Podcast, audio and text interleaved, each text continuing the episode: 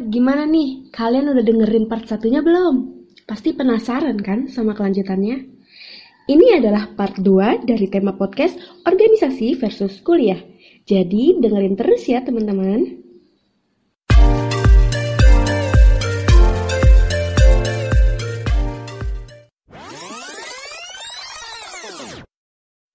Semua orang mungkin punya waktu 24 jam sama. Taruhlah 8 jam buat tidur. Jadi kita punya waktu efektif 16 jam. Mentang-mentang lu anak hima terus lu seenaknya gitu keluar kelas seenaknya nggak masuk nggak ngomong apa-apa ke dosennya. Emang anak hima anak Tuhan gitu loh. Lu nggak ngapa-ngapain terus nilai lu bagus nggak gitu juga. Nah yang dilihat biasanya itu salah satunya adalah IPK nah kalau IPK-nya umpama nih perusahaan minimal IPK-nya e, 3,5 atau minimal IPK-nya 3,2 ke atas. Nah kalau kita ada di bawah itu ya otomatis seleksi administrasi kita langsung nggak berhasil akan itu. Nah tantangan terberatnya itu mengatur skala prioritas. Kenapa? Karena kan kita masuk ke kampus tujuannya untuk uh, lulus tepat waktu, nilai yang baik, makanya tujuannya buat lulus dan dapat ilmu lah. Ya itu masalahnya kan di situ. Tapi kalau kita ikut organisasi, masalahnya bakal lebih kompleks dan lebih banyak. Dan itu kita dilatih buat uh, gimana cara kita memecahkan masalah tersebut. Oh iya nih kak, aku kan maba online nih Aku punya pertanyaan nih, mungkin teman-teman maba yang lain juga punya pertanyaan nih nanti saat offline. Kan biasanya tim si kura-kura ini uh, sering keluar masuk keluar masuk kelas tuh kak. Mm-hmm. uh, alasannya rapat atau kegiatan. Kakak tuh pernah nggak sih kak nemuin dosen yang rese atau nggak ngebolehin, nggak boleh, nggak boleh keluar, harus ikut? Gitu. Sebenarnya sih, alhamdulillah kalau nemuin belum pernah karena sejauh ini ya kayak mayoritas dosen-dosen di Unpam terutama di akuntansi mensupport sih ya kegiatan-kegiatan e, hima selama itu kegiatannya positif dan yang penting adalah selama komunikasi kita baik. Alhamdulillah sih kalau kakak pribadi belum pernah tuh ketemu dosen yang sampai ngelarang untuk ikut kegiatan hima, tapi emang sih ada beberapa pengurus pengurus-pengurus atau anak-anak hima yang lain juga e, bermasalah. Bermasalah tuh kayak nggak boleh masuk ke ruangan, eh nggak boleh ya itulah bermasalah sama beberapa dosen tapi itu hanya sebagian kecil gitu loh nggak sampai semuanya. Nah e, terkait dengan bermasalah ini sebenarnya balik lagi yang tadi udah kakak bilang balik lagi ke komunikasi kalian. Apakah nah, kalian udah menyampaikan karena menurut kakak kayaknya mayoritas dosen di Unpam itu mensupport loh selama kegiatan yang kita lakuin tuh positif gitu loh. Ya orang dosen itu kan sama aja kayak orang tua kita di rumah. Orang tua kita di rumah tuh e, pasti mensupport semua kegiatan anaknya selama itu positif Nah kadang orang tua itu nggak ngedukung bukan karena dia nggak pengen ngedukung tapi karena dia nggak tahu apa yang kita kerjain. Jadi karena dia taunya kayak ini anak main mulu nih. Jangan-jangan negatif, dia nggak tahu ini yang kita kerjain negatif atau positif. Begitu pula dengan dosen. Dosen kan kadang-kadang, ini anak kok nggak pernah masuk-masuk ke kelas saya nih, gitu kan? Dia nggak tahu nih kita kerjain apa positif apa negatif. Nah, biar orang itu tahu, biar dosen itu tahu atau biar keluarga kita tahu ya kita komunikasi kita sampein. Ini saya nggak izin masuk kelas tuh karena ada kegiatan ini ini ini ini ini ini yang dampaknya tuh ini ini ini ini ini. Sehingga uh, dosen itu ngerti gitu loh. Jadi balik lagi gimana cara kita komunikasi. Nah komunikasi itu itu salah satu poin plus juga tuh kalau ikut organisasi. Tapi itu kalau nanti ada satu momen umpama di semester itu loh buat maba maba umpama di semester 1 atau semester 2 e, coba nih izin sama dosen ini. Eh, tiba-tiba udah izin malah diomelin. Ya nggak apa-apa. Besok izin lagi. Tapi dengan cara yang berbeda. Berarti oh berarti kalau gue nyobain cara pertama gagal nih. Dosennya malah jadi marah-marah. Gue coba ah besok pakai cara kedua. Mungkin bahasa gue salah atau gue ngechat di jam yang salah gitu. Atau ini dosen lagi PMS lu chat gitu kan. Kita kan nggak ada yang tahu. Tapi itu variabel-variabel itu yang tadi kakak udah sempat bilang abisin jatah gagalnya di situ. Biar apa? Biar setelah lu lulus dari kuliah lu ngechat ke atasan lu atau lu ngechat ke bos lu nggak melakukan kesalahan yang udah lu lakuin waktu di perkuliahan. Tapi kalau di perkuliahan lu nggak pernah nyoba sama sekali akhirnya tiba-tiba lu ngechat atasan terus lu ternyata lu chat atasan ternyata tuh atasan tersinggung entah itu karena jam entah itu kalimat yang eh, nggak uh, sopan akhirnya apa? Dampaknya lu bisa jadi dipecat. Kalau di kuliah paling paling buruknya adalah dampaknya nilai lu jelek atau lu do kalau do kayaknya jarang banget lah ya kecuali itu anak emang nggak emang nggak masuk masuk sampai IPK-nya di bawah dua ya itu emang anaknya aja kebangetan. Tapi ya itu habisin aja gagal kalian yang dan caranya antisipasinya kalau perihal uh, urusan dengan dosen itu yang penting komunikasi. Oke tadi kan kita udah ngebahas tentang organisasi udah ngomongin tentang akademik ngomongin juga tentang si kura-kura nih kak. Nah si kupu-kupu juga pengen loh kak diomongin kalau pendapat Kak Ferry sendiri tentang si kupu-kupu itu gimana sih Kak? Kalau perihal kupu-kupu gini loh. Tadi Kakak udah sempat mention di awal. sebenarnya semua orang kan ada hobi dan minatnya masing-masing lah ya e, bisa jadi hmm, dia nggak minat organisasi karena ya itulah ada orang yang introvert dan ekstrovert kalau dia introvert kan dia nggak suka ketemu banyak orang gitu loh nah kalau ada tipe-tipe yang kayak gini emang sukanya itu belajar ya sebenarnya kakak kurang setuju adalah yang di bagian pulangnya gitu loh. Maksud maksudnya gini loh. Kalau lu cuma kuliah e, 5 jam doang terus lu pulang kayaknya sayang aja gitu waktunya. Tapi kalau lu memang hobinya itu di akademik yang di mana e, gue nggak suka nih ketemu orang banyak. Gue nggak suka berdebat gue nggak suka adu argumen gue nggak suka bikin kegiatan-kegiatan. Ya nggak apa-apa itu pilihan lu. Tapi kalau lu lu maksimalin hobi lu. Umpama hobi lu eh tapi gue suka nyanyi. Ya udah silahkan ikut paduan suara. Eh gue sukanya akademik ini gue cinta banget sama akuntansi kayaknya gue e, kalau akuntansi tuh kalau lagi ngerjain akuntansi tuh rasanya e, apa namanya nggak bisa nggak kenal waktu gitu ya udah manfaatin lu ikut lomba akuntansi ke atau uh, lu bikin jurnal, bikin artikel atau mungkin lu bisa ikut dosen. Dosen tuh sering banget kadang-kadang bikin penelitian butuh mahasiswa buat uh, olah data gitu. Itu manfaatin karena kampus ini tuh luas banget gitu loh. Bukan luas dalam segi ukuran ya, emang Unpam luas banget sih kalau ukuran. Uh, luas bagi mahasiswa ya kan. Boleh lah masuk sini. Iya, tapi ya itu luas juga ilmu yang bisa lu dapat gitu loh. Kalau memang lu hobinya di akademik banget, ya itu manfaatin.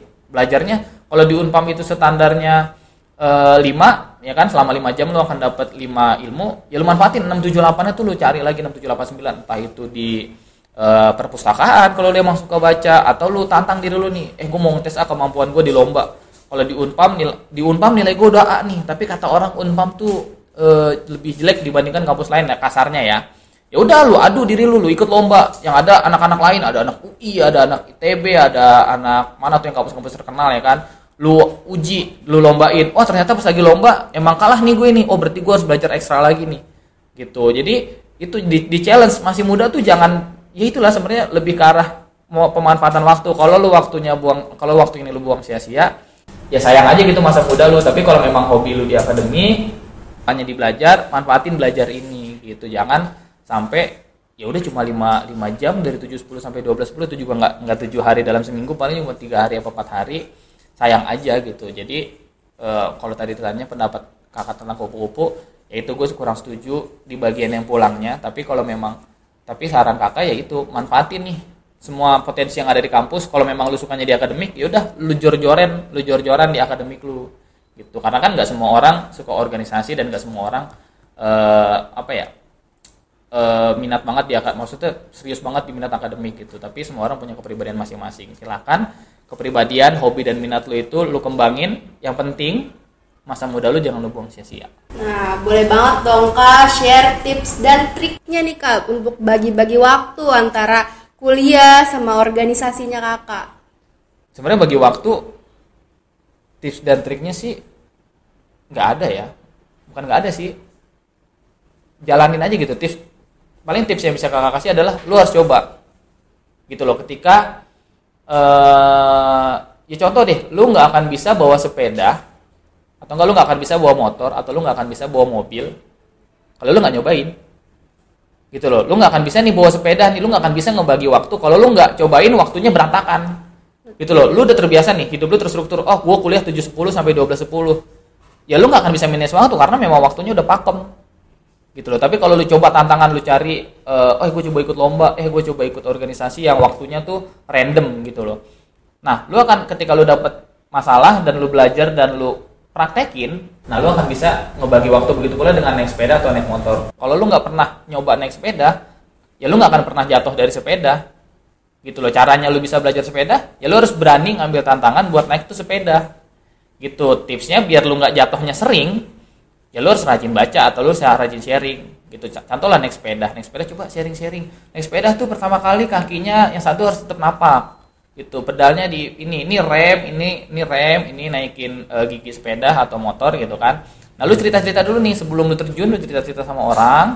Ketika lu mau praktekin walaupun pasti beda lah ya tapi setidaknya dengan lu banyak sharing dengan lu banyak baca itu meminimalisir jatuh lu dari sepeda. Begitu pula dengan uh, manajemen waktu. Sebelum lo mau ngambil ke organisasi atau lo sebelum mau mungkin sebelum lo ikut ke kuliah coba lo sharing-sharing sama orang yang udah lebih dulu sama yang senior senior gitu. Nah kalau kakak ditanya ya setelah gue menjalani kalau gue bisa ngasih tips tips ya itu lo harus coba. Dan simpelnya adalah ya lu akan tahu jawabannya setelah lu mencoba tipsnya yaitu tadi udah disebutin banyak banget yang di mana lu bisa eh, bikin skala prioritas mana nih harus gua duluin gitu Oke, nih gini kak, biasanya kan anak-anak organisasi tuh terkenal ya kak, biasanya. Terus ada nggak sih kak dulu kakak punya pikiran buat ikut organisasi? Ah, gue cuma mau panjat sosial aja, ah biar terkenal, biar dilihat sama orang gitu. Pertanyaannya ada atau enggak ya? Kalau ada atau enggak eh pernah atau enggak? Pernah. Sejujurnya pernah. Tapi itu dulu banget waktu zaman SMP karena ya karena gimana ya? Jadi ceritanya gini waktu zaman SMP tuh biasa lah ya semua kan pernah SMP waktu zaman SMP tuh waktu masih kecil-kecil tuh kayaknya keren aja gitu ngelihat eh, guru akan menyebutkan kepala sekolah nyebutin iya kita punya ketua osis dia naik ke atas panggung dia akan berbicara. Teman-teman eh, se- siswa sekolahku ya kan wah kayaknya dulu ngeliat ketua osis tuh ganteng aja gitu bawaannya kan Maklum baru. Iya waktu SMP. Jadi ikutlah tuh ke OSIS ya kan daftar OSIS ya itu cuma buat kayaknya ganteng aja gitu ngomong di depan umum, mimpin upacara ya kan jadi pemimpin upacara atau baca teks eh, upacara kayaknya seneng aja gitu eh, kelihatan keren aja gitu dulu. Akhirnya ikut OSIS, setelah ikut OSIS, ikut latihannya dikasih tahu kenapa lu harus masuk OSIS, apa yang bisa lu kerjain di OSIS? Dan benefit apa yang bisa lu dapet? Akhirnya ikut tuh jadi OSIS. Ya dulu waktu zaman OSIS SMP masih biasa-biasa aja jadi anggota biasa. Tapi seneng aja gitu seneng ketemu banyak orang. Nggak jadi ketua OSIS juga dulu waktu SMP nggak jadi yang gue harapkan juga tuh niat mau pansos nggak kepikiran tuh setelah masuk ke OSIS jadinya malah oh ternyata gini loh ketemu guru-guru dapat banyak ilmu kayak gini. Oh ternyata bikin eh upacara tuh beberapa hal yang harus gue perhatiin kayak gini. Karena dulu di SMP OSIS nggak banyak bikin kegiatan lebih ke arah ya paling ketemu banyak guru jadi UKS jadi anak-anak itu protokoler upacara. Paling waktu itu pernah bikin pekan olahraga juga pekan olahraga kita juga perbantuan doang jadi panitianya tetap guru. Tapi kita suruh jadi anak lapangannya gitu. Ya di SMP kayaknya belum banyak tanggung jawab tapi ya itu senang aja gitu gue belajar banyak hal yang gue gua yang gua nggak pelajarin di kelas. Akhirnya waktu SMA ikut lagi. Tapi udah nggak kepikiran untuk pansos di osis karena apa ya kayak candu aja gitu kayak nggak bisa aja gitu gue diem diem aja gitu. Jadi anak sekolah biasa kayaknya apalagi waktu masuk SMA tuh kayak senang aja gitu bikin kegiatan. Dulu juga waktu SMA sedikit cerita waktu SMA tuh pernah satu angkatan tuh kita punya komitmen bareng. Komitmennya sesimpel ini. Dulu kita pernah kepikiran set- setelah lu lulus SMA entah itu lo mau kerja, lo mau kuliah atau lo mau apa gitu kan. Pasti nanti setelah lo tua hal yang eh, kenangan yang paling berkesan tuh biasanya di SMA karena di SMA itu yang kita bandel-bandelnya kita lagi eh, pikirannya pendek waktunya banyak tenaga banyak gitu loh. Jadi kayak akhirnya kita berkomitmen nih satu angkatan. Komitmennya adalah eh kita bikin cerita yuk. Gitu loh. Maksud cerita sini adalah ini SMA masa yang bakal kita kenang terus nih seumur hidup nggak akan keulang gitu loh. Kalau kuliah mah lu bisa umur 20, 24, 25 lu bisa kuliah. Tapi kayaknya feelnya beda gitu. Makanya kita waktu itu eh, satu angkatan tuh di SMA punya eh, pedoman gini. Kita lulus harus bawa kenangan. Akhirnya dari osis nggak cuma osis sih dulu satu angkatan dari osis. Kelas 1 sampai lulus kelas 3 tuh kita bikin bikin hal baru aja gitu terus.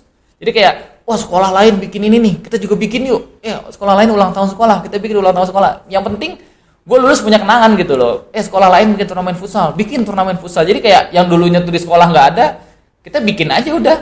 Gitu loh namanya juga masih pada muda ya kan diomelin sama guru nggak di sini segala macem. Gas saya dulu yang penting gue lulus punya kenangan gitu. Jadi kayak ya. pas masuk kuliah juga apalagi pas kuliah kuliah tuh gue nggak kepikiran pansos sama sekali. Apalagi di unpam lu pansos apa sih? Anak unpam tuh ada 80 ribu. Nggak mungkin lu terkenal 80 ribu Nggak kelihatan ya nggak kak? kelihatan kita tuh setitik. Tapi itu 80 ribu itu lu bisa lu bisa ambil pelajaran yang banyak banget gitu loh. Jadi kayak kalau niat untuk mau pansos sekarang sekarang ini udah nggak bahkan kemarin aja pas ngejabat ketua IMO boro-boro mau pansos yang ada gua. Ngejomblo. Jadi ya udahlah ya. Jadi balik lagi ya gue sih kalau kakak kepikiran pansos itu pas SMP dan lama-lamanya udah skala prioritasnya itu bukan pansos tapi kayak apa yang bisa gue pelajarin di sini. Ya memang sih nggak nggak memungkiri beberapa orang ada yang kepikiran masuk organisasi itu biar kece biar dilihat orang keren. Ada yang baju organisasi itu biasanya keren-keren. Ih bajunya keren gitu. Ya itu balik ke diri lu masing-masing. Kalau lu mau nyari pansosnya lu mau nyari kerennya ya lu akan dapat itu. Tapi lu nggak akan ada dapat apa-apa lu akan tetap kosong. Tapi kalau lu niatnya mau nyari ilmu lu mau nyari soft skill lu mau ngelatih hal apa pun itu ya itu yang akan lu dapetin jadi balik lagi ke individu masing-masing lu mau nyari apa gitu Terus kalau misalkan ada orang, eh nggak usah orang deh, temen kakak aja. Misalkan temen kakak ada yang ngomongin, ah lu mah Fer ikut organisasi cuma buat pansos aja. Gimana kak tanggapannya? Eh sebenarnya sih selama di SMP, SMA atau di organisasi lebih tepatnya kakak nggak pernah nemuin.